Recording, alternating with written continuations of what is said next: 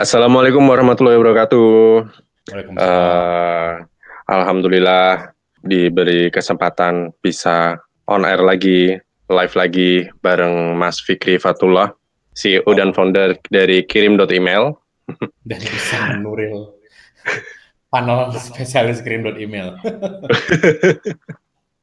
Pembantu aja, Mas. Oke, Oke. jadi dari dua episode kemarin uh, luar biasa ya, alhamdulillah kita banyak dapat feedback yang bagus sekali ya. Ya, Pertanyaan-pertanyaan yang masuk, kita nggak nyangka aja kayaknya live audio tuh aneh banget, tapi ternyata ada yang dengerin ya, alhamdulillah loh. lebih ini kayaknya, Kak. Eh, di sambi jalan mungkin pulang dari kantor, eh pulang dari tempat kerja atau lagi jaga tokonya mungkin lebih cocok daripada lihat apa? Lihat YouTube kan kalau live gitu kan kurang enak. Kalau gini bisa disambi-sambi. Oke, bahas apa kita malam ini? Eh, untuk malam ini kita bakalan bahas atau berdiskusi tentang berkenalan dengan leads. Nah. Leads ya. Ya, leads adalah eh, salah satu komponen paling penting dalam penjualan. Oke, Ya. leads atau yang sering dibilang prospek sama orang ya.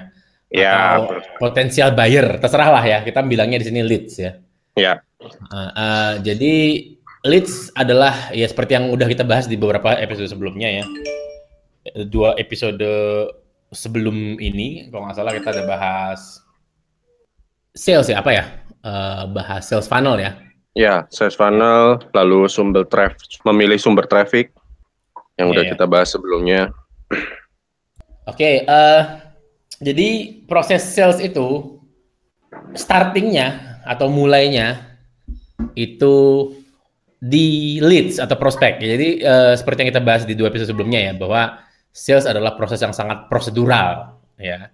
Jadi dia proses yang step by step sangat prosedural, oke?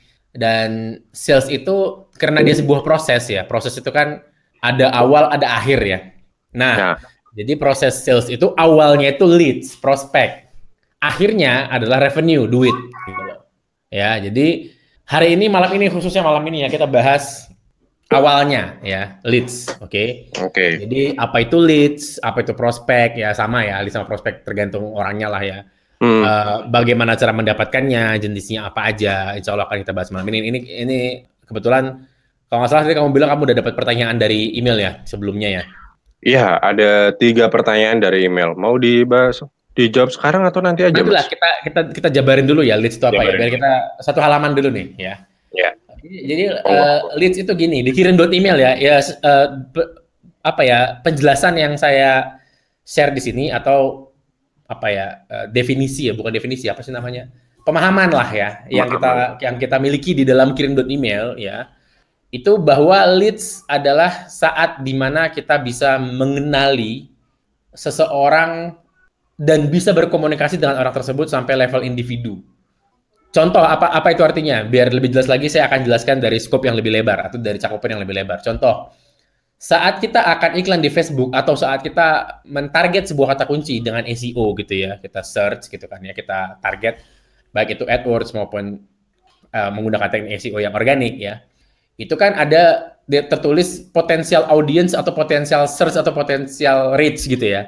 Hmm. Jadi misalnya kita iklan di Facebook, kita ngiklan misalnya say 200 ribu deh gitu ya. Nah nanti akan ada keluar potensial reach ya bahwa kemungkinan iklan ini akan menjangkau sejumlah xxxxx orang kan gitu ya gitu loh. Jadi misalnya lah ini contoh aja ya. Saya saya hanya me- me- membuat-buat angka ya. Mohon jangan di harus dicek ulang. Tapi andai kata lah misalnya kita dengan 200 ribu kita bisa menjangkau say 5 ribu orang ya reach-nya. Kata Facebook ya potensial reach-nya 5000 gitu ya.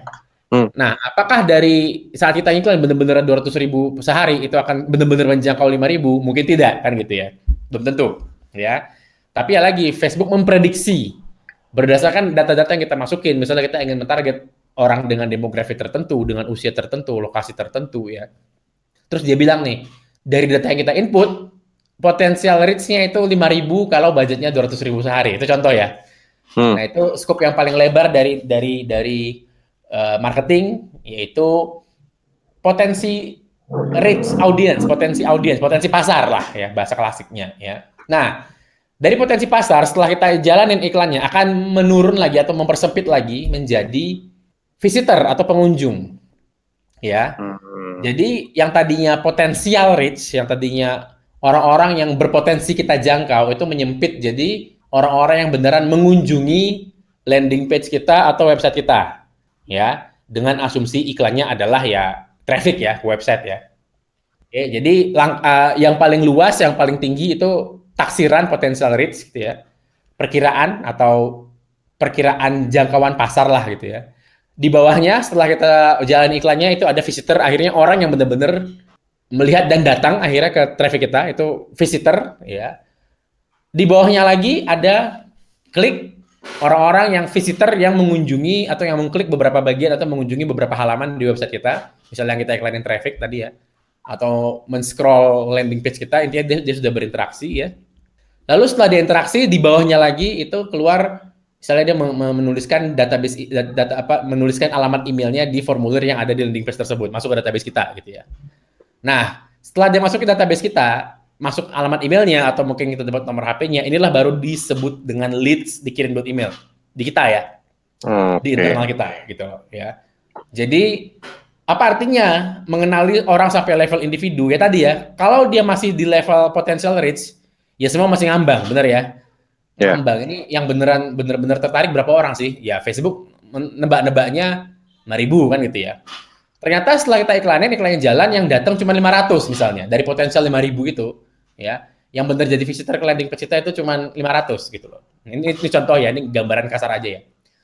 Terus dari 500 itu yang main-main ke landing page kita, yang masukin alamat emailnya, yang mendaftarkan alamat emailnya, yang masukin WhatsApp-nya, nomor nomor HP-nya, nomor WhatsApp-nya itu cuma misalnya berapa? 50 gitu ya. 50, oke. Okay. 10% semuanya. Nah, potensial 5000 Ternyata dari 5000 iklan jalan yang datang cuma 500.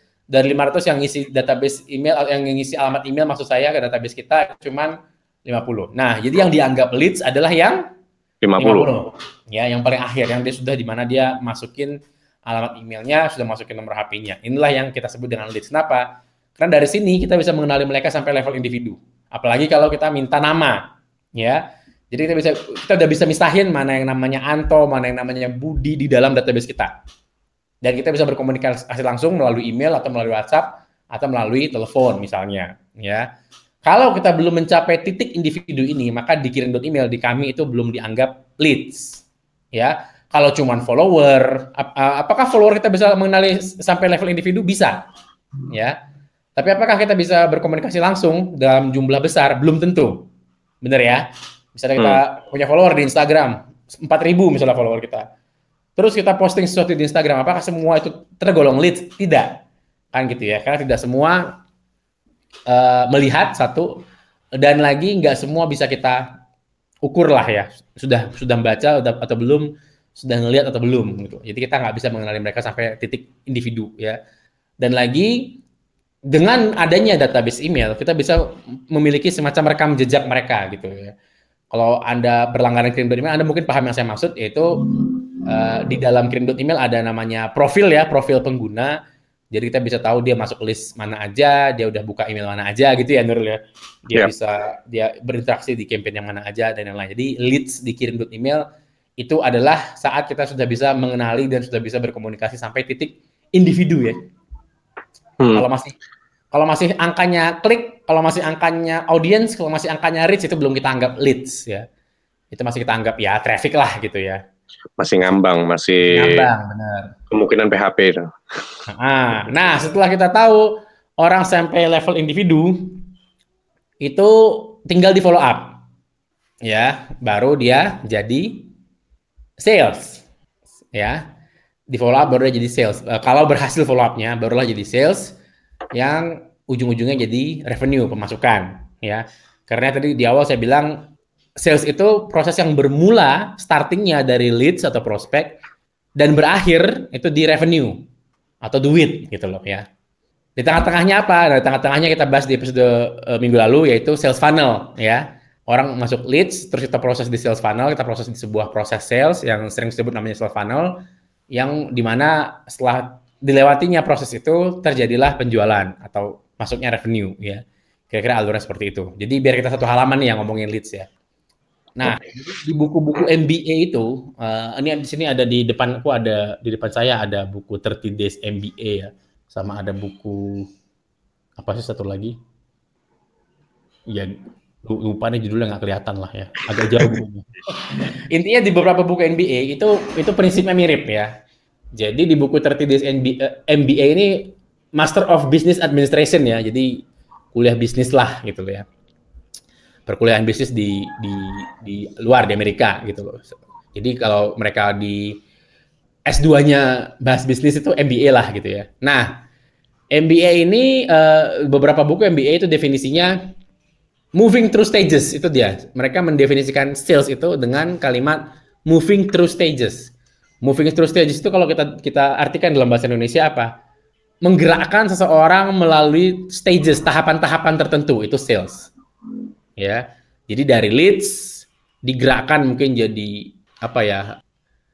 leads yang lebih tertarik, leads yang lebih interested ya, digerakkan lagi sampai akhirnya jadi customer gitu loh. Ya, eh, jadi buyer ya. Jadi buyer terus digerakkan lagi jadi customer. Customer itu ya pelanggan lah ya, dia sudah membeli beberapa kali gitu loh, ya.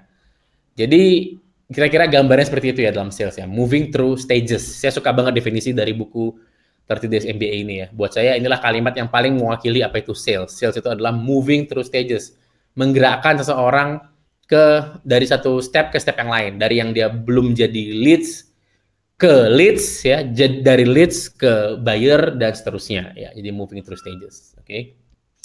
Biar satu halaman ya. Oke. Okay.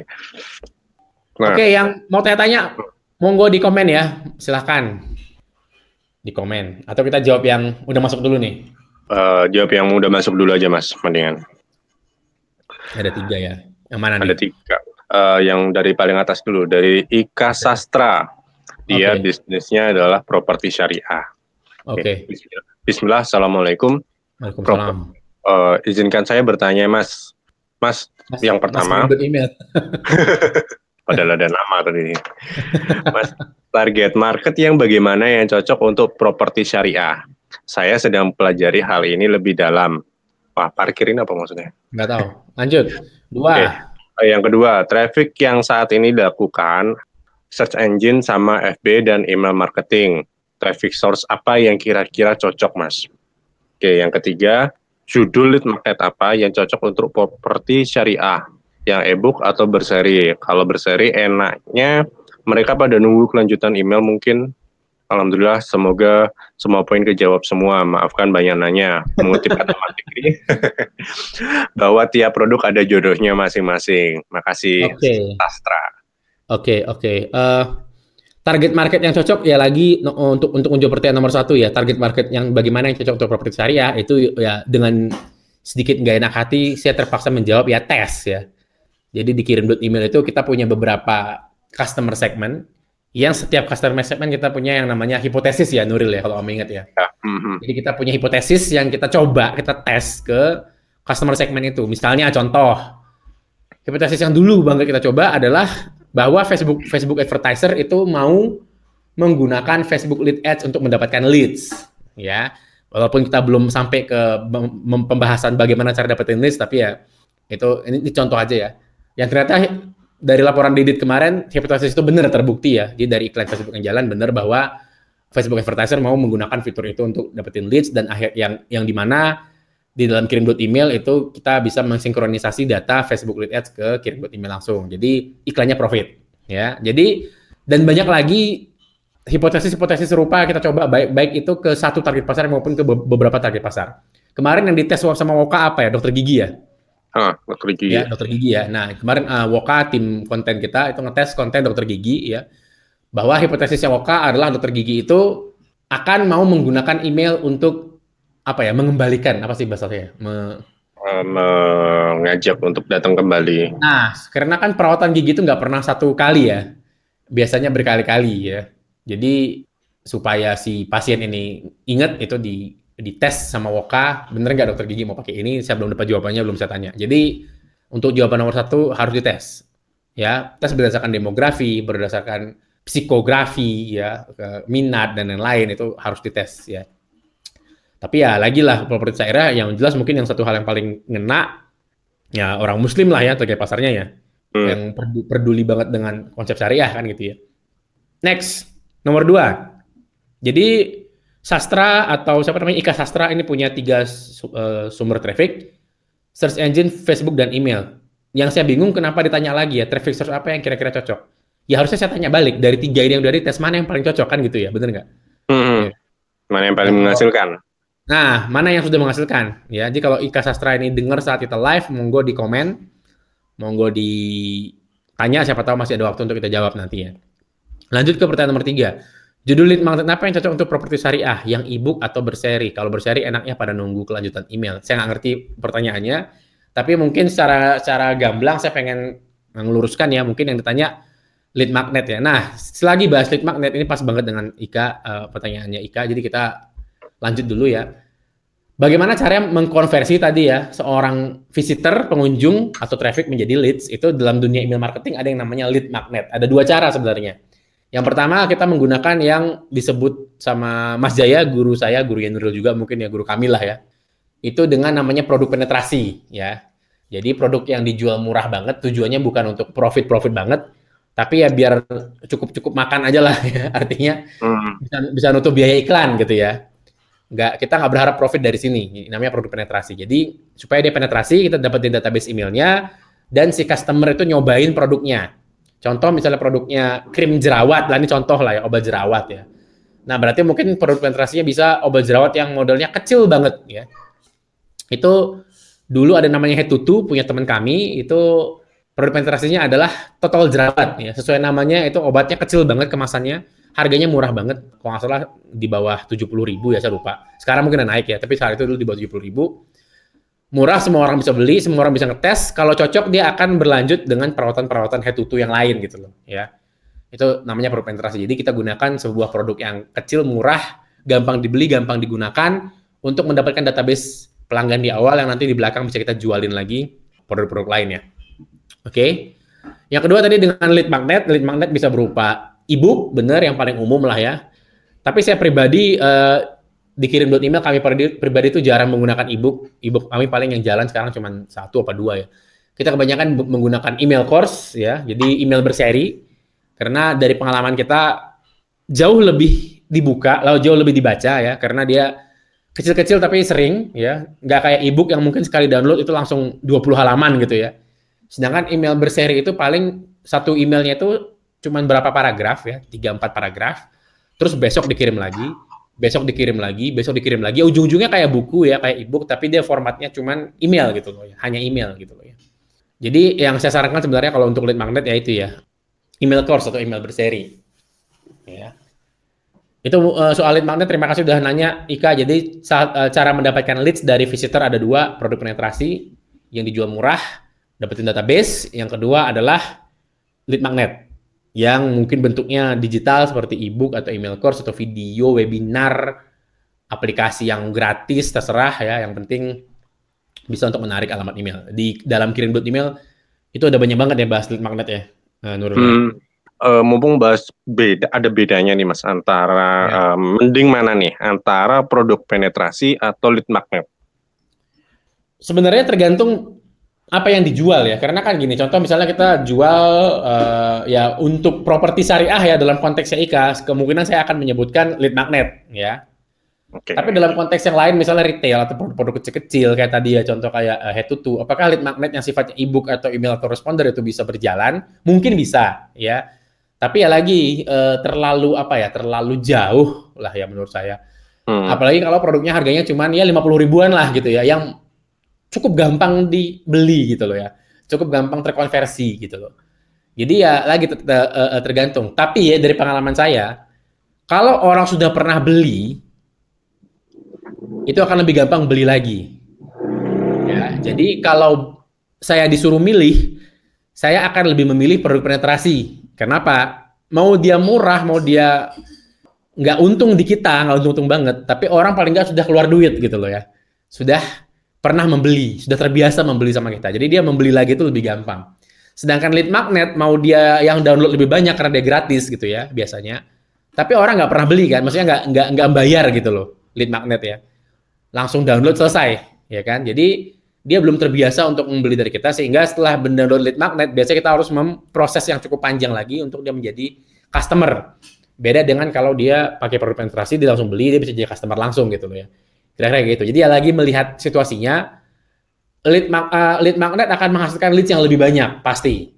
Kalau tim follow up Anda jagoan, kalau Anda jago memfollow up-nya setelah dapat lead dari lead magnet ya, itu akan bagus hasilnya insya Allah ya yang follow up jago ya, yang WhatsApp jago, yang email jago, yang telepon jago, itu hasilnya akan insya Allah bagus. Tapi kalau anda tim apa ya salesnya mungkin kurang banyak ya, karena mungkin ada level baru mulai misalnya, atau mungkin ya belum punya malah mungkin tim sales ya, atau mungkin belum pernah punya email atau responder, maka ya saran saya pakai lead magnet yang gratis, jadi dapat lebih banyak leadsnya untuk ngetes ya, gampang dites. Oke. Okay. Dari kamu ada yang mau tambahin mungkin nggak? Uh, enggak sih, itu sih. Uh, yang tadi soal pertanyaan apa uh, antara mending pakai lead magnet atau produk penetrasi kan jadinya apa ya? Uh, udah dapat buyer list gitu sih. Kalau misalkan nah, yang udah ininya ya. Benar. Jadi lead magnet dengan dengan produk penetrasi akan menghasilkan dua database dua jenis database yang berbeda, ya. Yang pertama dia menghasilkan yang kita sebut namanya buyer list. Buyer itu pembeli, list itu ya database email ya dalam dunia email marketing. Hmm. Jadi database yang berisi alamat-alamat email orang yang membeli. Sedangkan kalau dia cuma lead magnet ya dalam dunia email marketing sering disebut freebie list, list gratisan. Ya. Ah. Nah, dalam bu dalam literatur literatur, literatur bisnis ya, dalam buku-buku bisnis ya. Jadi proses mendapatkan leads itu bisa ter, dari cara cara kita dapatnya ya itu bisa terbagi menjadi dua bagian besar yaitu leads yang satu langkah atau yang disebut one step leads ya leads satu langkah sama leads dua langkah two step leads ya jadi menggunakan lead magnet itu itu namanya list dua langkah jadi dapetin leadsnya dulu data gitu ya dapetin datanya dulu email dapetin leadsnya dulu baru kemudian diproses sampai dapat duitnya gitu loh ya. Jadi ada dua langkah. Satu dapetin data yang kedua dapetin duit ya. Two step leads istilahnya ya. Yang satu lagi one step leads. Itulah dengan menggunakan produk penetrasi. Kita dapetin duit sama data pada saat yang bersamaan. Prak gitu. Kita jual produk dia beli sambil dia beli kita dapat datanya. Namanya two eh, one step leads maaf ya. Jadi memang benar prosesnya lebih ringkes dan kita dapatnya langsung duit sama data tapi ya lagi mungkin ya dibandingin dengan yang gratis semurah apa pun akan kemungkinan besar akan kalah ya kecuali anda jago banget jualannya ya jadi pilih mau yang one step apa, two step. Oke, okay, kalau one step ya tadi langsung ya. Yang two step dia dapat data dulu, setelah data diolah baru dia dijualin gitu loh. Ya. Oke, okay. uh, eh, lanjut pertanyaan berikutnya, Mas. Ya. Oke, okay. uh, eh, dari Mbak Ima, dia bisnisnya perlengkapan dan oleh-oleh haji umroh. Oke. Okay. Mas, apakah perlengkapan dan oleh-oleh ini cocok untuk mereka yang ibaratnya udah punya toko sendiri ya? Sedangkan saat ini masih reseller sama dropship concern online. Traffic yang dilakuin saat ini lebih ke SEO, Instagram, dan FB. Hanya saja untuk sales bisa dibilang gitu-gitu aja. Kadang ada sales, kadang juga enggak sama sekali. Imam Marketing juga baru nyoba. Pertanyaannya, sesuai dengan judul Kepo Live saat ini, mungkin bisa jadi target market yang saya lakukan kurang dibeli kurang dalam gitu kayak. Oh, dalam. Mohon pencerahan, mohon pencerahannya lebih dalam. Saya doain kirim email makin menggurita dan besar profit manfaat. Thank you. Saya saya kalimat pertama ini kurang jelas loh maksudnya. Sedangkan saat ini masih reseller sama dropship concern online. Maksudnya apa ya? Uh, mungkin dia uh, apa ya? Dia udah punya toko, uh, pengen buka-buka toko gitu kayaknya. Saat ini masih ya reseller sama dropship. Jadi cuman online aja jualannya dia masih belum punya toko kayaknya sih gitu ya ha. Oke, traffic yang lokal ini lebih ke SEO, IG dan FB. Hasil untuk sales bisa dibilang gitu-gitu aja. Kadang ada sales, kadang juga nggak sama sekali. Email marketing baru nyoba. Ya. Uh, lagi ya, uh, sebenarnya agak nggak cocok pertanyaan gini. Apakah bisnis saya, apa pun itu ya, apakah bisnis A cocok dengan email marketing lah, Facebook lah, IG lah, apakah cocok? Sebenarnya itu hanya channel, hanya saluran, ya. Ibaratnya gini, saya dari rumah saya, saya mau pergi ke misalnya mall, mall di Bandung ada apa ya? Ada namanya PVJ lah ya, Paris Van Java. Ya, saya dari rumah saya mau ke PVJ, Paris Van Java. Tujuannya jelas kan, PVJ gitu loh ya. Nah, pertanyaannya, saya mau ke PVJ lewat mana kan gitu? Bisa lewat tol, bisa lewat jalan biasa, bisa kalau di Bandung bisa lewat uh, apa ya, lewat mungkin lewat dago, muter dan lain-lain lah gitu ya. Ada banyak gitu intinya. Tapi tujuannya jelas PVJ, ya. Nah, untuk menjawab pertanyaan Mbak Il Mbak Ilma ini ada adalah gini, siapa yang mau dituju gitu loh. Jadi bukan apakah bisnis X cocok dengan dengan saluran Y, bukan gitu. Tapi siapa yang mau dituju? Apakah pembelinya ada di saluran itu gitu loh. Ya, apakah tadi tujuannya kan pembeli ya? Apakah yang dituju itu, pembeli yang dituju itu ada di IG, ada di Facebook, ada di email atau di WhatsApp terserah. Ada di mana mereka yang banyak. Artinya mereka terbiasa untuk belanja itu melalui channel apa? Apakah mereka kalau perlengkapan haji dan umroh biasa terbiasa untuk membeli melalui toko online? Ya, kalau iya, siapa yang melakukannya? Ya kan bisa bisa bisa di model ya cara cara orang yang sudah melakukannya gitu loh. Kalau belum, ya mereka ada di mana gitu loh. Mereka belanja lewat mana? Apakah mungkin toko fisik atau lewat apa gitu loh ya. Jadi setelah tahu mereka ada di mana, kita menggunakan jalur itu untuk menjangkau, ya. Nah, apa apa sebab kirim dot email itu banyak jualan menggunakan email? Bukan karena hanya kita ya perusahaan email marketing, bukan. Tapi karena memang target pasar kita adalah pebisnis yang di mana mereka banyak menggunakan email, gitu loh, ya. Kalau mereka mungkin gak banyak menggunakan email, ya mungkin kita juga pakai saluran yang lain lebih intensif, misalnya Facebook yang kita dobelin lah, IG-nya kita apain lah, atau mungkin pakai LinkedIn lah. Saya nggak tahu gitu ya. Tapi karena apa bisnis banyak pakai email dan kita pakai email alhamdulillah selama sejauh ini grow terus gitu ya. Jadi ya udah kita pakai terus. Ya. Jadi buat saya ya apakah ada di email? Apakah orang-orang yang membeli perlengkapan oleh-oleh dan haji ada di email? Uh, atau aktif membuka email? Kalau dari pengamatan saya ya kalau pengguna internet itu hampir pasti dia punya email ya. Tapi apakah dia aktif di IG, di Facebook saya nggak tahu. Di SEO saya nggak tahu. Apakah ada orang mencari oleh-oleh haji di SEO mungkin ada berapa jumlahnya saya nggak tahu ya. Jadi lagi ini untuk memilih channel. Uh, dan seperti yang kita bahas kemarin itu kalau lah salesnya masih dibilang gitu-gitu aja itu mungkin prosesnya masih ada yang harus dibenahin lah ya. Karena ingat sales adalah proses yang sangat prosedural ya. Jadi kalau salesnya tidak tidak terjadi ya mungkin dari prosedurnya ada yang salah gitu loh. Ada yang kurang tepat. Ya. Menurutmu gimana? Tapi emang apa ya, kalau balik lagi sih pasarnya emang nggak semuanya bisa sesuai. Cuman ibarat kata kan kayak di kirim Dotima sendiri, trafficnya setengahnya dapat dari SEO, ya kan? Ya, ya, nah, apa namanya? Nah, dan dari situ juga kita manfaatkan uh, konten upgrade, kita manfaatkan email marketing, ya dulu mungkin apa sebelum iklannya apa kontennya kita ada di halaman satu Google atau traffic dari SEO masih dikit ya kita manfaatkan Facebook untuk datengin traffic. Ya, ya. kan? Nah itu uh, tinggal dikombinasikan mana yang paling menghasilkan mana yang ini di tracking yang baik jadi bisa tahu mana yang bisa menghasilkan. Dan lagi rasanya kalau email marketing uh, kalau misalkan di depan nggak cocok ya kan taruh untuk uh, mendatangkan penjualan nggak cocok nah taruh aja di belakang untuk mendatangkan orang biar beli lagi beli lagi beli lagi. Itu sih. Karena email marketing rasanya nggak cuman untuk mendatangkan sales yang di depan pertama kali aja tapi juga oh dia udah pernah transaksi di kita didatengin lagi untuk beli lagi misalkan atau ngasih rekomendasi ke temennya atau misalkan ada promo atau apa kalau umroh rasanya kan nggak cuma berangkat satu kali selesai, itu sih. Kalau haji kan mungkin ya seumur hidup satu dua kali gitu sih. ya benar. Jadi uh, yang yang sering juga saya bahas di episode podcast yang lain itu untuk starting memang baiknya yang berbayar ya, yang iklan berbayar kayak Facebook untuk dapetin leads ya. Itu baiknya memang berbayar, Facebook, IG, terserah ya. Tapi yang cepat dapetin leads gitu loh. Setelah kita fasih memanfaatkan media-media berbayar ini untuk dapetin list dengan cepat, kita bisa mengukur dengan cepat, ini bagus atau enggak, ini menghasilkan atau enggak ya. Setelah semuanya fasih, baru kita bisa memanfaatkan sumber yang lain. Misalnya ya setelah dapat leads dari Facebook bisa diolah dengan menggunakan email atau bisa setelah itu kita matengin SEO-nya bisa. Dan ya seperti kata Nuril bahwa saat ini kirim.email punya banyak sumber traffic itu tidak sekaligus jebret banyak semua, enggak. Itu satu persatu. Dulu kirim.email itu hanya menggunakan Facebook sama email doang, cuma dua, Facebook Ads sama email. Dua itu doang. Ya, lama banget pakai itu.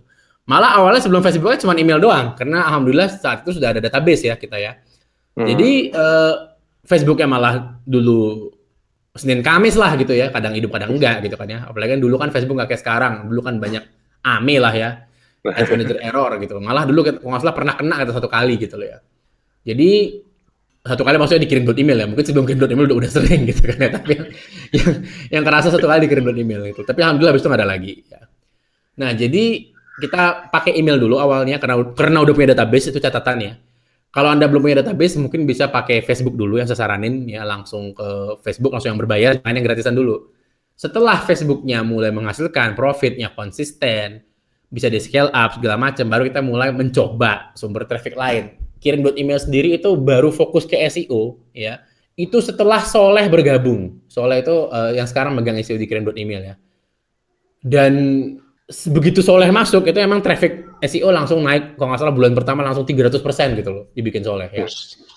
Ya itu mungkin saking hinanya SEO kita sebelum ada Soleh gitu ya. Jadi Soleh masuk itu benar-benar benar-benar mengapa ya, benar-benar mengubah arah SEO-nya kirim email sampai di titik ini tuh setengah dari traffic kita itu dari SEO ya. Yang menurut saya sangat sangat banyak, sangat tinggi. Mengingat dia gratis ya dia gratis loh dia orang datang sendiri loh gitu aja ya ya jadi uh, dan lagi hampir semua artikel yang nongol di halaman pertama Google dikirim buat email ya itu di dalamnya ada konten upgrade seperti yang dibilang sama Nuril di dalam halaman yang muncul di nomor satu itu. Jadi semua halaman yang muncul dikirim buat email di di, di SEO-nya gitu ya, yang, yang muncul di Google di saat orang search dan muncul kirim buat email, semua halaman itu ada cara untuk mendapatkan leads dalamnya. Ya, ada content upgrade, ada formulir dan lain-lain. Ada ada beberapa ya, banyak sekali ya. Jadi setiap hari kalau boleh dibilang itu kirim email dapat leads uh, terus terus menerus dan itu gratis setengahnya dari SEO. Beberapa tentu saja dari Facebook Ads baik itu iklan yang berbayar maupun itu dari grup dari ya event seperti podcast seperti malam ini. Ini kan kita pakai formulir pendaftaran ya. Dan lain-lain ya. Banyak sekali sumber uh, leads kita ya. Jadi benar satu persatu. Tidak harus apa ya semuanya jebret sekaligus itu nggak usah gitu loh ya. Mungkin pertanyaan ketiga kita skip aja ya uh, Nuril ya. Karena oke okay. menyebut merek Oke, okay, kalau mau nanya-nanya live masih bisa di komen. Oke, okay, mungkin pertanyaan umum aja sih ya.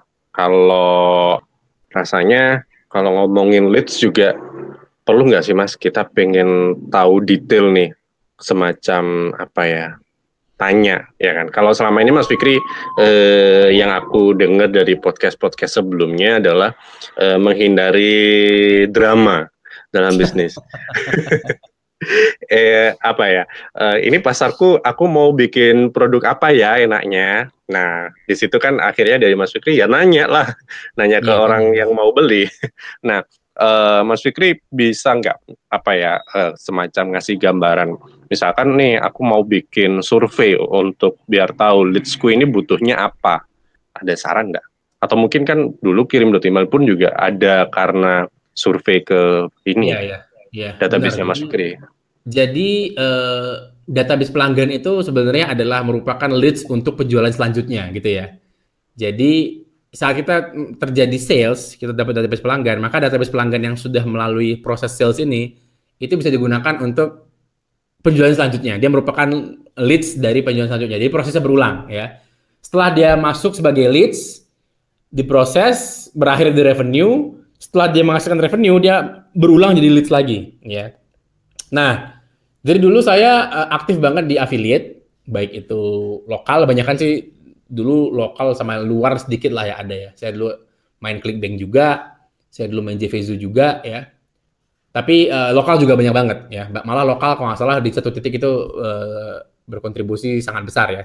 Nah jadi saat itu saya memang sudah punya database pelanggan yang saya dapat dari affiliate ini, ya dari jual affiliate sana sini. Saya, saya punya database pelanggan dan saya tanya ke database saya, saya broadcast.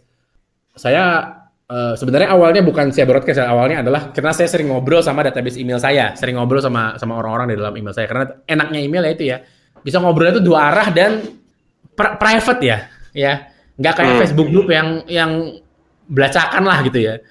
Maka, bisa ikut nimbrung ngobrol. Nah, kan jadi nggak private gitu. Sedangkan kalau kita pakai Messenger itu giliran mau ngomong ke banyak orang kan susah ya.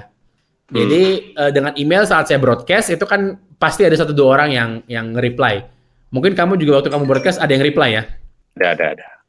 Nah, jadi itu bisa bisa ngobrol langsung. Jadi saat dulu saya broadcast itu ada banyak banget ya cukup banyak yang padahal database saya dulu awalnya sangat sedikit ya paling cuman lima ribu lah ya ya tiga ribu sampai lima ribu lah sekitar segitu lah saya lupa sedikit banget lah intinya ya terus saat itu sudah banyak sekali yang nanya, Mas, layanan email marketing yang Mas gunakan apa? Gitu loh. Saya jawab sebuah merek lah ya, saya jawab, saya menggunakan ini. Dan hampir 100% responnya sama. Wah, mahal ya Mas, gitu loh. Pasti gitu. Ya. Saat itu ya harganya berapa ya? 15 dolar sih startingnya ya. Sebenarnya sih dibilang mahal ya enggak. Cuman ya mungkin ya karena mungkin dolar lah ya. Jadi banyak yang langsung, oh dolar ya mas ya. Dan saat itu kan nggak ada kartu-kartu seperti Genius ya. Nggak ada gitu saat itu ya. Jadi orang mau bayar itu memang harus pakai kartu kredit. Ya saya, saya pribadi sih nggak pakai kartu kredit ya, saya pakai ada sebuah layanan yang namanya Pioneer saat itu ya. Karena memang saya juga punya kartu gitu. Jadi uh, saat saya gunakan itu orang banyak nanya, banyak banget. Hampir setiap saya broadcast dulu ada yang nanya, "Mas pakai apa? Mas pakai apa? Mas pakai apa?"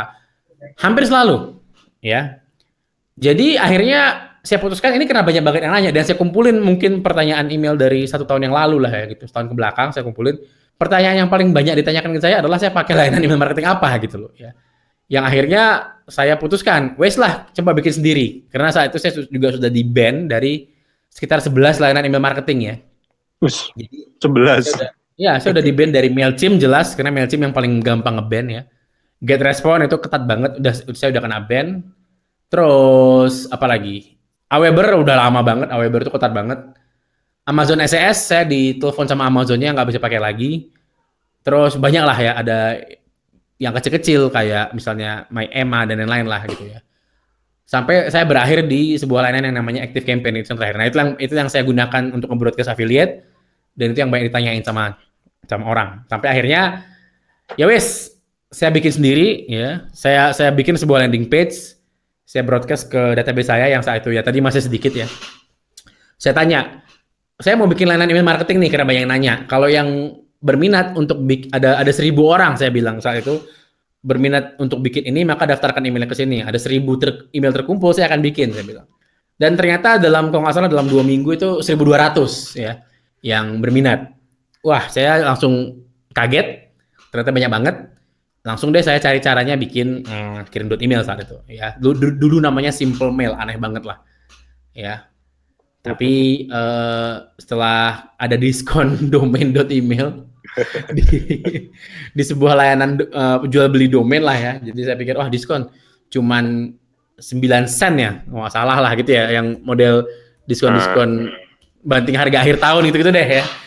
cuman cuman 9 sen wes lah saya beli gitu loh ya. Akhirnya saya beli apa ya? Kirim dot email. Wes lah belilah kirim dot email. Akhirnya namanya dikirim dot email sampai sekarang. Jadi bener uh, saat kita punya leads yang cukup aktif lah ya. Dan nggak perlu banyak ya catatannya nggak perlu banyak ya. Tiga ribu itu nggak banyak, bener Nuril ya. Tiga ribu yeah. itu bisa anda dapetin kurang dari enam bulan kalau anda giat, menurut saya. Ya, dan saya dulu database saya ya, ya total sebenarnya mungkin lima ribuan lah ya.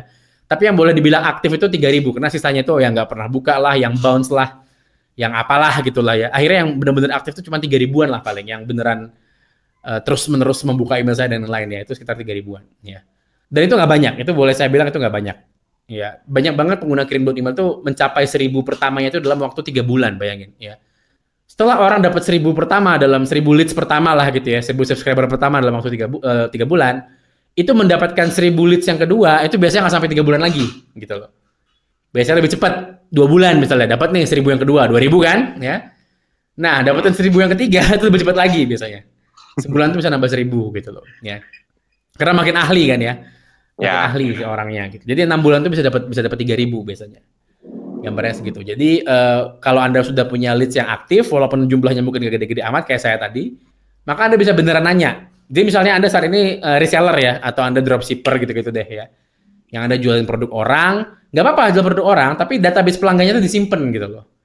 Jadi suatu saat Anda memutuskan untuk launching produk sendiri, ya merek Anda sendiri, itu Anda sudah punya buyer listnya, sudah punya database pembelinya. Tinggal di, ya itu kan leads ya, tinggal di broadcast untuk jualan. Mereka sudah sudah termasuk leads gitu loh. Walaupun saat itu produk yang dijual produk orang lain.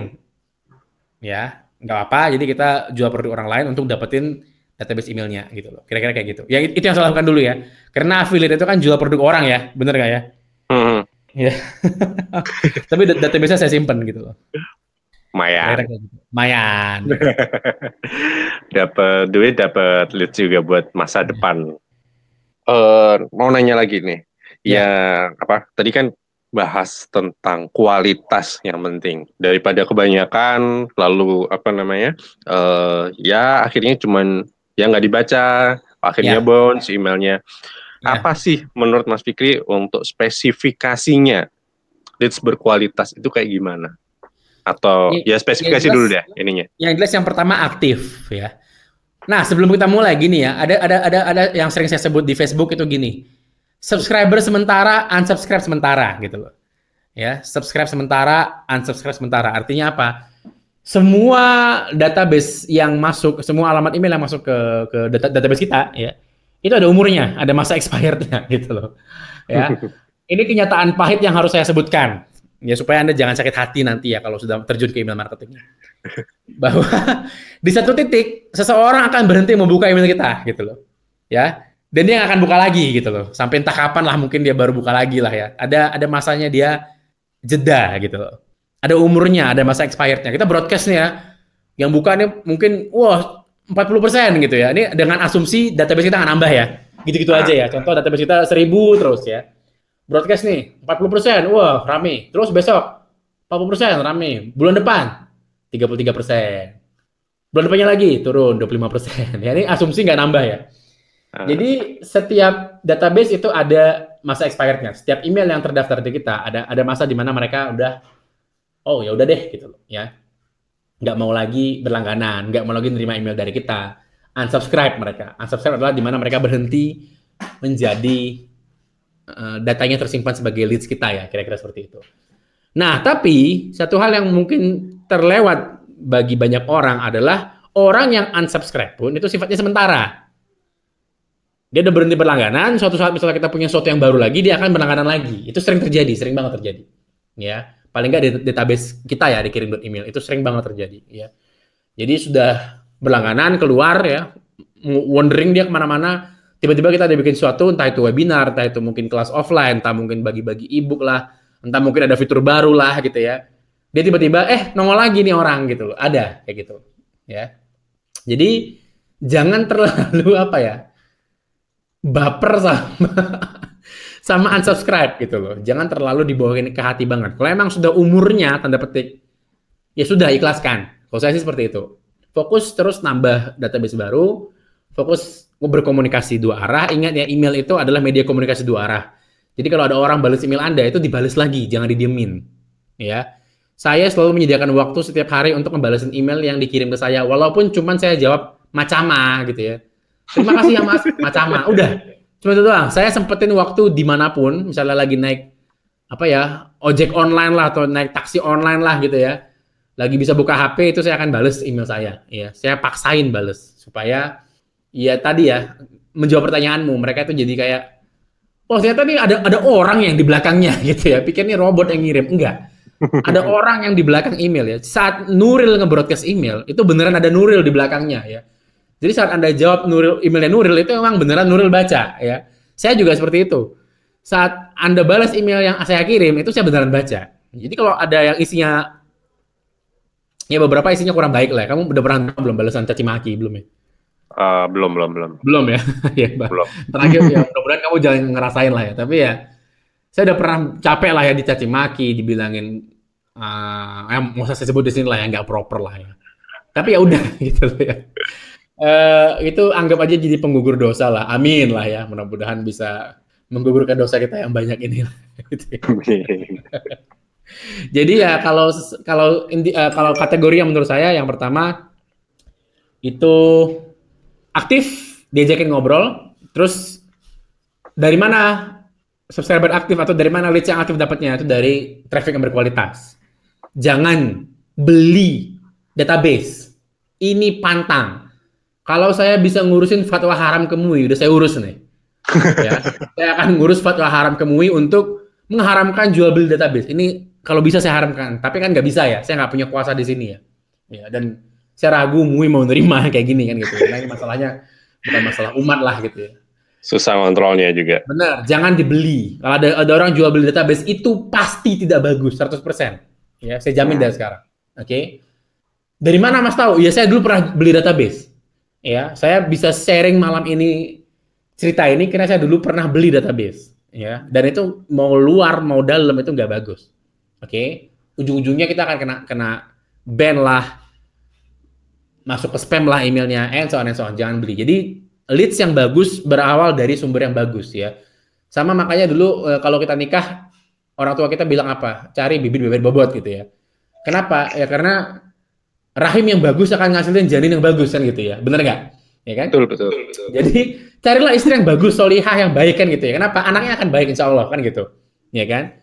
Jadi sama dengan leads. Carilah sumber leads yang bagus, yang yang baik gitu loh ya. Facebook Ads itu iklanlah yang serius. Iklannya bikinlah yang bagus ya. SEO-nya bikinlah artikel yang bagus yang ditulis penuh hati gitu loh. Bukan yang sembarangan hanya untuk dapetin leads ya. Dan lain-lain gitu. Eh, lead magnetnya bikinlah yang bagus penuh hati. Ya, semua lead magnet yang saya tulis yang Anda baca kalau Anda pernah baca itu beneran saya nulisnya tuh pagi sore siang malam lah gitu loh, mikirin itu gitu loh ya beneran dari hati. Jadi karena sudah beneran dari hati, mau orang terima mau enggak, mau orang suka mau enggak, itu buat saya udah gak masalah lagi gitu loh. Karena sudah sudah sudah melakukan yang terbaik gitu loh ya. Dan alhamdulillah leads yang saya dapat juga alhamdulillah bagus-bagus. Responsif, beneran bales email saat minta dibales, saat ditanya memang beneran jawab ya. Saat di broadcast yang yang bales email broadcast saya insya Allah ada terus ya. Kamu sampai sekarang nge-broadcast ada terus ya yang, yang bales ya?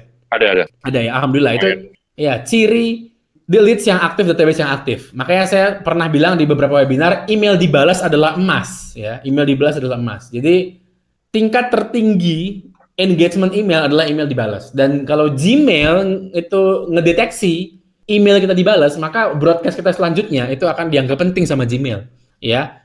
Bisa-bisa langsung ditandain email priority sama Gmail, gitu loh. Dan masuknya ke primary inbox. Kenapa? Udah, udah kita udah ngobrol, gitu loh. Ya. Jadi kira-kira kayak gitu. Ini ada ada pertanyaannya. Dari mana ya ini ya? Dari dari email. kitab Arab Store dari email. Oke. Okay. Assalamualaikum Mas, saya baru pakai kirim email. Alhamdulillah dua hari setelah saya publish form yang saya buat, ada 230-an yang memasukkan alamat email. Masya Allah. Oke. Okay. Oke, banyak. Uh, dua hari loh. Ah, satu hari 115, lumayan. lumayan. Dari itu yang konfirmasi cuma 120-an yang yeah. belum konfirmasi 110-an.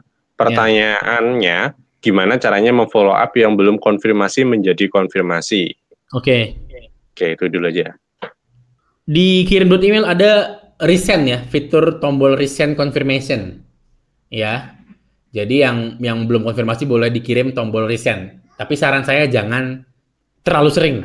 Satu, dua, tiga kali oke. Okay. Dan itu kasih jarak ya jangan hari ini belum konfirmasi besok resign besok resign besok resign jangan didoain nanti kita gitu ya jadi uh, paling tiga kali dalam rentang waktu seminggu lah jadi kasih jarak dua hari dua hari gitu ya itu oke makanya di kita di kirim email itu tidak ada namanya resend to all itu nggak ada karena itu rawan untuk digunakan di abuse ya dimanfaatkan hmm. untuk yang tadi ya resend berkali-kali itu buat saya bahaya Kalaulah sudah tiga kali tidak konfirmasi juga, ya ikhlaskan. Itu tidak akan masuk ke atau tidak akan dihitung sebagai pelanggan dikirim email, nggak akan dihitung sebagai leads dikirim email. Jadi anda nggak perlu khawatir, wah mas kontak saya ntar nambah dong enggak, ya, karena dia belum konfirmasi itu itu ntar akan dihilangin sendiri kok, ya. Pertanyaan kedua, Pertanyaan kedua adalah, oh ya, satu pertanyaan lagi buat Mas Fikri. Kenapa pada saat ini kirim email menonaktifkan single opt-in? Monggo disebutkan okay. alasannya. Langsung ditanya saat live. Ya. Oke, apa alasan dikirim email sementara ya? Sebenarnya sih sementara. Mungkin kalimat, uh, mungkin kata sementaranya itu jarang kesebut di luar lah ya. Tapi kita benar saat saya, saat kita rekam ini sama Nuril hari Rabu 17 Oktober 2018 jam 8.53 malam ya, 8 lewat 53 menit malam hari. Benar kita mematikan sementara fitur single opt-in. Nah, untuk yang belum familiar apa itu single opt-in adalah saat di mana orang masukin database email itu di mana dia tidak perlu mengkonfirmasi emailnya ya. Jadi misalnya Nuril ngelihat formulir saya, Nuril masukin alamat emailnya ke formulir saya, maka ya sudah, Nuril langsung nerima email autoresponder atau Nuril bisa langsung nerima email broadcast dari saya. Itu single opt-in. Double opt-in adalah prosesnya gini, Nuril ngelihat formulir saya, Nuril daftarin emailnya ke formulir saya, terus Nuril langsung secara otomatis nerima email konfirmasi yang menanyakan apakah benar ini email Nuril. Kalau benar, klik link ini. Ada link di dalam email konfirmasi yang Nuril harus mengklik baru dia database-nya masuk ke kirim.email ke database kita, baru menerima email autoresponder atau menerima broadcast ya. Baru dia bisa menerima semua email dari kita.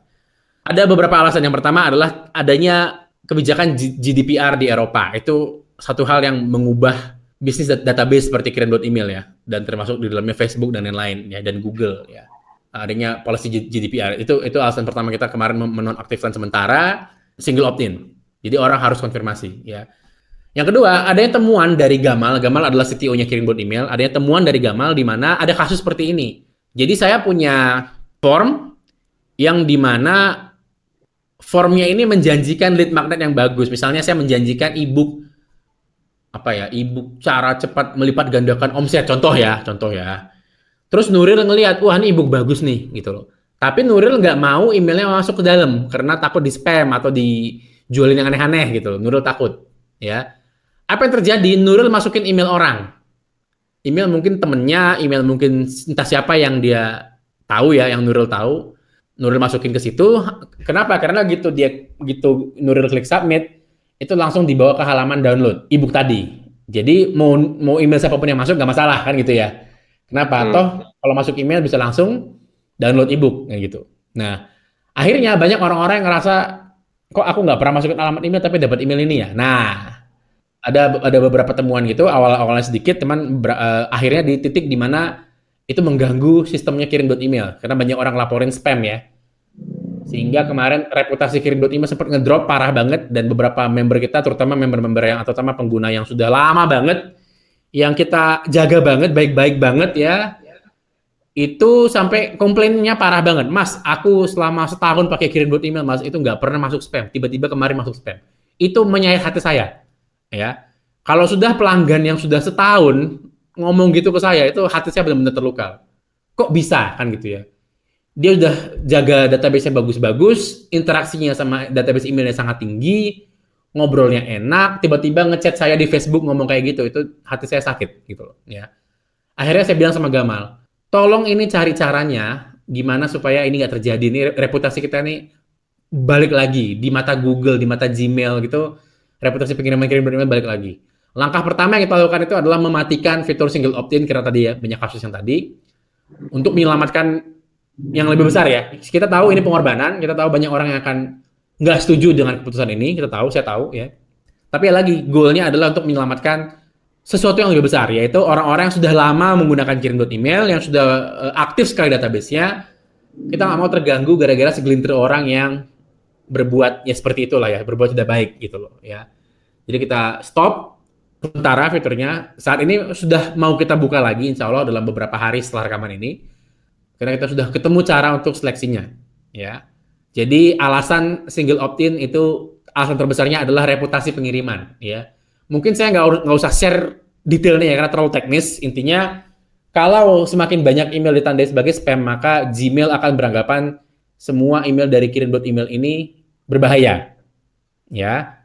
Jadi member yang baik-baik, jadi pengguna kirim.email yang baik-baik pun terkena dampaknya.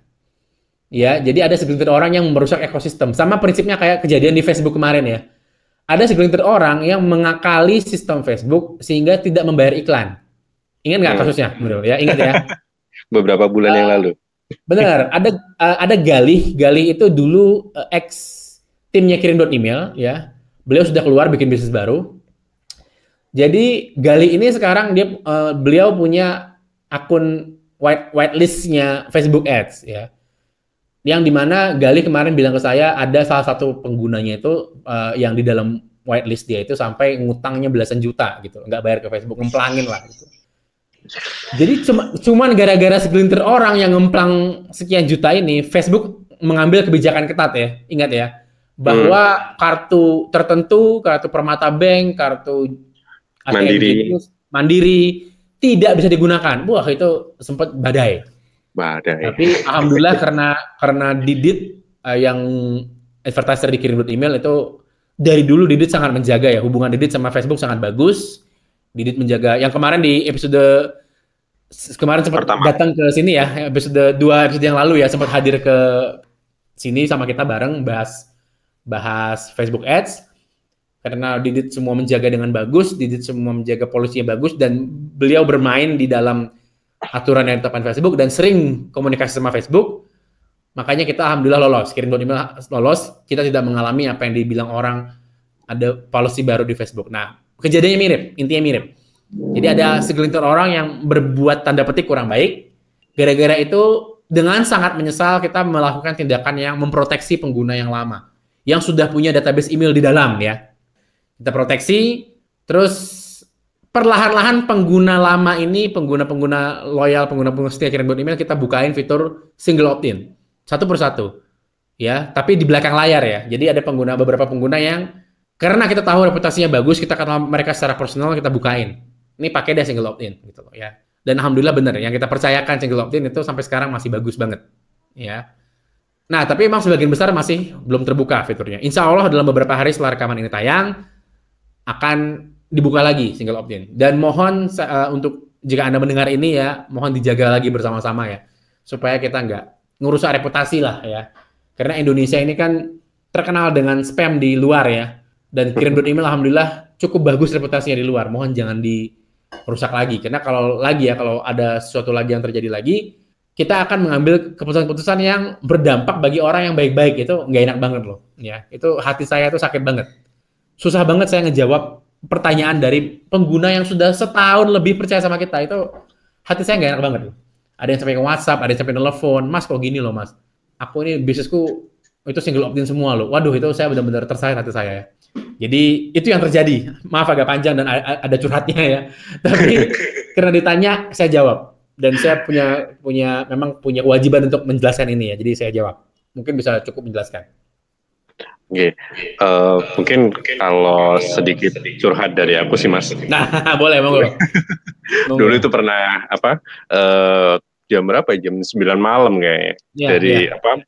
uh, naik paket mas dari 25 ribu kontak jadi 50 ribu kontak wow. karena ada traffic yang lagi gencar nih. Jadi yeah. waktu itu total kontak yang masuk ada 40 ribuan. Uh. Jadi total total kontaknya kita jadi 40 ribu kontak email. Nah, hmm. waktu di broadcast buat nge-make sure semuanya anjlok hancur sampai 24 ribu. Wish. itu ya emang apa ya yang nggak menyalahkan orang yang datang tapi juga ya itu ngerinya single opt in seperti itu iya iya iya, iya. Uh, udah bayar naik paket eh ternyata ternyata ya seperti itu iya benar jadi ya uh, apa ya ya plus minus lah ya Aha. jadi saya petik kalimatnya siapa kemarin ya pengguna uh, kirim email juga eh bukan ya siapa sih ya single opt in adalah kebahagiaan semua kalimatnya siapa tuh ya uh, pengguna kayaknya. Apa? Pengguna kayaknya itu bukan. Pengguna yang ya. Di, ya. Ah, ya, yang di Facebooknya Mas Fikri. Jadi itu pas banget ya. Single opt-in adalah kebahagiaan semu yang di mana dia nambah nambah apa sih bilangnya? Nambah biaya ya, nambah kos, tapi tidak signifikan menambah hasil lah ya. Hmm. Benar gak? Ya, jadi pertambahan kosnya apa ya? nggak banyak gitu. Yeah. Oke. Okay.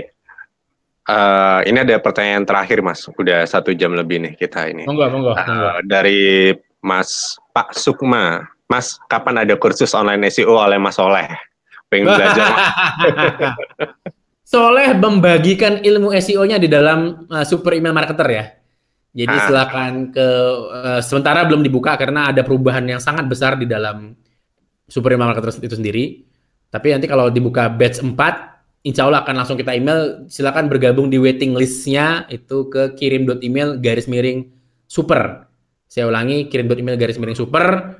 Daftar di situ. Nanti kalau ada di share. Dan Soleh itu aktif ngobrol di grup SEM ya, Super Imam Marketer kita bilangnya SEM dan Soleh memberikan beberapa materi yang ia ia share yang ia terapkan di dalam kirim email ya dan Soleh ngajar sangat bagus menurut saya. Runut ya penyampaian beliau runut ya dan bukan hanya runut materinya proven. Saya nggak akan sembarangan ngebiarin orang share materi di SEM sebelum itu benar-benar proven. Ya dan saya, saya minta sama Soleh tolong beneran hanya dibagiin yang sudah kamu jalanin saya bilang. Yang masih eksperimen ini kan Soleh ada beberapa eksperimen sama kita ya. Hmm. Yang masih eksperimen yang belum dapat hasilnya itu jangan di share. Saya ada ngasih, saya sama Soleh ada lagi mencoba beberapa hal ya, lagi mencoba beberapa segmen baru untuk kita kita muncul di halaman pertama dan belum kelihatan hasilnya. Nah ini yang saya bilang sama Soleh jangan di share. Mungkin sudah kelihatan ya, tapi masih naik turun gitu loh, belum stabil, belum terprediksi lah istilah kita ya. Jadi ini saya minta jangan di share. Yang beneran di share sama Soleh adalah yang proven dan insya Allah itu udah cukup gede lah, ya, cukup banyak materinya ya. Itu ya mungkin ya untuk untuk episode kali ini ya. Iya, malah jadi ada yang nanya yang apa? Uh, e-course FB Ads. Dari Mas Didit. Udah gabung SM aja deh. Gabung SM. Didit juga di dalam SM sebagai mentor ya. Jadi juga ngajar di SM dan dia lagi saya bisa mempertanggungjawabkan apa yang di-share sama Didit karena saya ngelihat sendiri, ya. Ya lagi nggak semua tentu saja nggak semua strategi itu 100% bagus terus ya enggak ya. Makanya tidak ada namanya winning campaign. Kami percaya pada namanya winning system. Ya, kami percaya semua sementara, campaign yang benang juga itu cuma sementara, ada kala dia akan turun. Nah, kalau turun harus ngapain gitu loh ya. Jadi itu semua insya Allah kita akan share di Super Email Marketer ya. Jadi ke kirim email garis miring super. Ya, Oke. Okay. Nuril. Uh, closing statement Mas, one minute closing statement dari Mas Fikri soal berkenalan dengan leads. Oke, okay, jadi uh, leads tadi kita rangkum dikit ya leads itu ada one step, ada two step ya. Ya, leads itu di mana kita bisa komunikasi sampai level individu ya, tapi intinya gini, leads adalah ujung tombak dari sales. Kalau sales itu di kami pribadi ya dikirim email itu kalau salesnya tidak mencapai harapan, yang pertama kami tambah adalah leads itu cara paling gampang ya. Yang pertama kami tambah adalah leads. Kalau misalnya sales yang tercapai, yang kami tambah adalah leads. Dengan tingkat konversi yang sama, dengan semua yang sama, yang yang lain kita anggap serupa, tapi kalau leadsnya nambah dua kali lipat, maka insya Allah sales akan dua kali lipat. Itu hitung matematika sederhana, ya. Jadi kalau Anda bermasalah di sales, kemungkinan leads yang datang ke Anda itu tidak datang dalam kondisi yang stabil, baik dalam jumlah maupun dalam kualitas. Kualitasnya nggak stabil, jumlahnya kadang naik turun. Hari ini banyak leads, besok enggak ya. Dan kualitasnya nggak stabil. Hari ini bagus yang datang, kata kata Nuril, besok ada yang datang 2000, tiba-tiba boncos semua gitu ya. Ada seperti itu. Ya, jadi Anda harus cari sebuah cara, sebuah metodologi, sebuah sistem untuk mendatangkan leads secara banyak, sering, rutin, dan stabil. SEO menurut saya metode mendatangkan leads yang sangat bagus. Seperti yang saya bilang, dia datangnya gratis. Tapi saya pribadi di awal itu lebih mengutamakan yang berbayar, entah itu Facebook Ads, Instagram Ads, Google Ads, terserah pokoknya yang bisa kita ukur ya. Setelah stabil baru gunakan channel lain seperti SEO, kumpulin leads, follow up, jadi revenue insya Allah. Itu aja mungkin dari saya. Oke, okay, uh, eh, kita akhiri. Oke. Okay. Terima kasih banyak Mas Fikri udah share sama ya. kita tentang leads. Sampai jumpa minggu depan, insya Allah. Insya Allah. Kalau ada salah, pertanyaan. kita mohon maaf. Kalau misalkan ada pertanyaan bisa Mana? ke Nuril ya? ke Nuril, ha, Nuril at krm.email. krm.email. Uh, uh, atau kalau misalkan buat yang masih belum dapat email dari saya bisa cek di kirim.email garis miring radio untuk dapat yes. notifikasi di uh, untuk next minggu depan, episode minggu ya. depan. Oke, okay. saya tutup sekian gitu aja. Terima kasih semuanya. Uh, Assalamualaikum warahmatullahi wabarakatuh. Waalaikumsalam warahmatullahi wabarakatuh.